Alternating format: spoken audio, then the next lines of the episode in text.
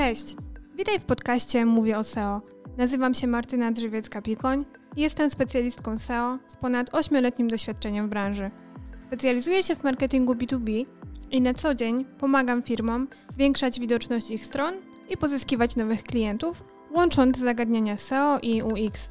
Ten podcast jest dla Ciebie, jeśli prowadzisz swoją stronę, sklep internetowy, dopiero zaczynasz z biznesem lub szukasz źródła wiedzy z zakresu pozycjonowania. Cześć, witam w kolejnym odcinku mojego podcastu. Dzisiaj porozmawiamy sobie o czterech najczęstszych błędach w kampaniach SEO. Zapraszam.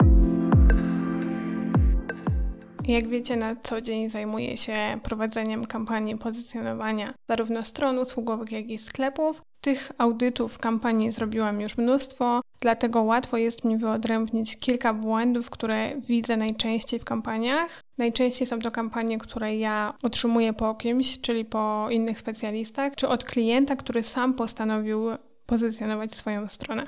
Pierwszy błąd, który mi się nasuwa, to nieodpowiednie użycie fraz kluczowych. Tutaj mam na myśli trzy sytuacje. Pierwsza z nich jest wtedy, kiedy klient nie ma żadnych fraz wybranych do swojej kampanii, tym samym strona nie jest pod te frazy zoptymalizowana, więc marnuje się potencjał. Ja już bardzo dużo i bardzo często mówię o strategii pozycjonowania, że zanim zaczniemy cokolwiek robić na stronie, musimy przygotować sobie strategię.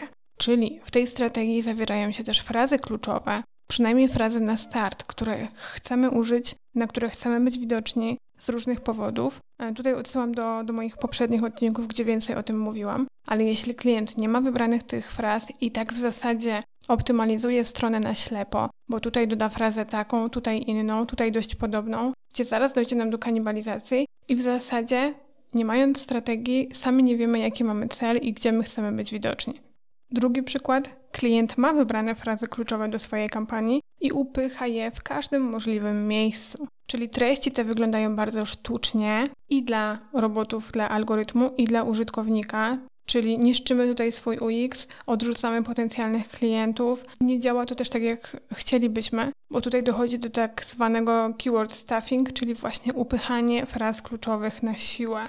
I trzecia sytuacja. Klient ma wybrane frazy kluczowe, ale nie ustalił ich kierowania. Czyli ja wiem, na jakie frazy chcę być widoczna, ale nie ustaliłam strategii, gdzie ja chcę je kierować. Czyli czy ta konkretna fraza ma kierować na stronę główną, na podstronę, na jakiś produkt w sklepie. Nie zrobiłam tego i przez to frazy najczęściej umieszczane są w różnych miejscach. Ta sama fraza jest na różnych podstronach, przez co dochodzi do kanibalizacji, w efekcie czego nie jesteśmy widoczni nigdzie w zasadzie i psujemy sobie całą strategię. I tak naprawdę lepiej byłoby nie robić nic w tym przypadku, niż doprowadzić do kanibalizacji, którą później trzeba będzie odkręcać i trzeba będzie robić wszystko od nowa. Drugi błąd, który bardzo często widzę, to nieprawidłowe linkowanie wewnętrzne.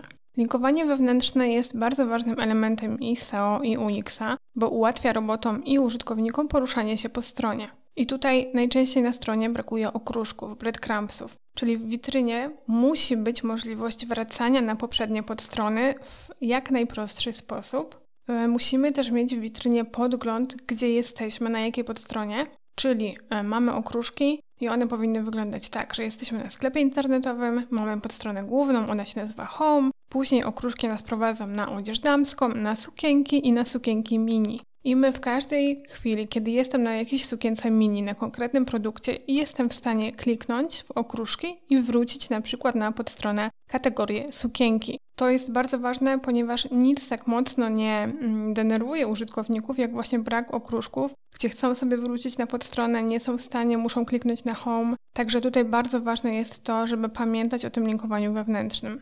Dalej, jeśli chodzi o linkowanie wewnętrzne, jeśli masz bloga na swojej stronie, to nie zapominaj o linkowaniu w postach. Czyli jeśli w swoim wpisie wspominasz o zagadnieniach, które masz w ofercie, albo już opisywałeś szerzej to zagadnienie w innym wpisie, to podlinkuj go. Jeśli na przykład tworzysz ranking produktów, które masz w ofercie, to koniecznie dodaj ich zdjęcia i linki do tych produktów. Pamiętaj o dobrej strukturze linkowania wewnętrznego w menu oraz w stopce.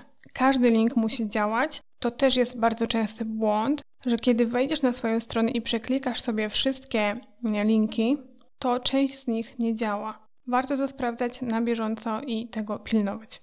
Kolejny błąd to nieodpowiednie użycie metatytułów i metaopisów. Tutaj znów mamy kilka sytuacji. Przede wszystkim strona ma szablonowe metadane, na przykład jeśli mamy WordPressa, to w metadanych widzimy kolejna witryna oparta na WordPressie.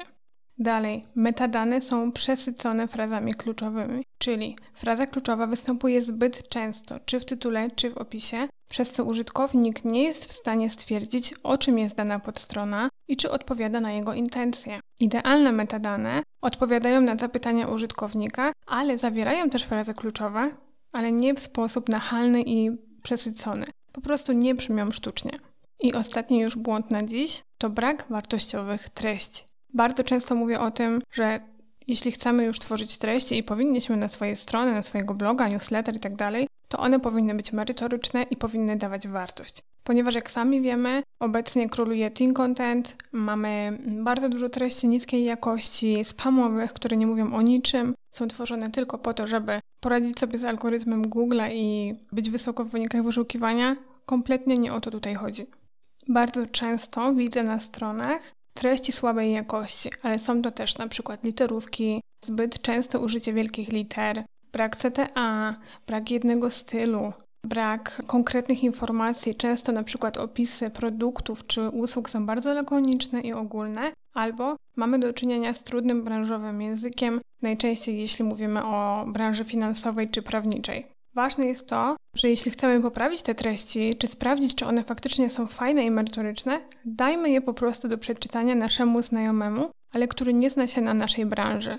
Feedback tej osoby pozwoli Ci spojrzeć na nie z innej perspektywy i je po prostu ulepszyć. Ostatnia wskazówka. Jeśli prowadzisz bloga, to zadbaj o to, by tematy odpowiadały na problemy Twoich potencjalnych klientów. Dziel się swoją wiedzą, różnymi przykładami, rozwiązaniami, powołuj się też na badania i raporty i pamiętaj, że istnieje coś takiego jak EEAT. O tym mówiłam więcej w odcinku o pozycjonowaniu branży prawniczej. Sprawdź sobie więcej, poczytaj o tym więcej, ale wartościowe treści oparte na solidnych danych będą i lepiej odbierane przez Twoich odbiorców, i lepiej odbierane przez algorytm Google. Dobrze.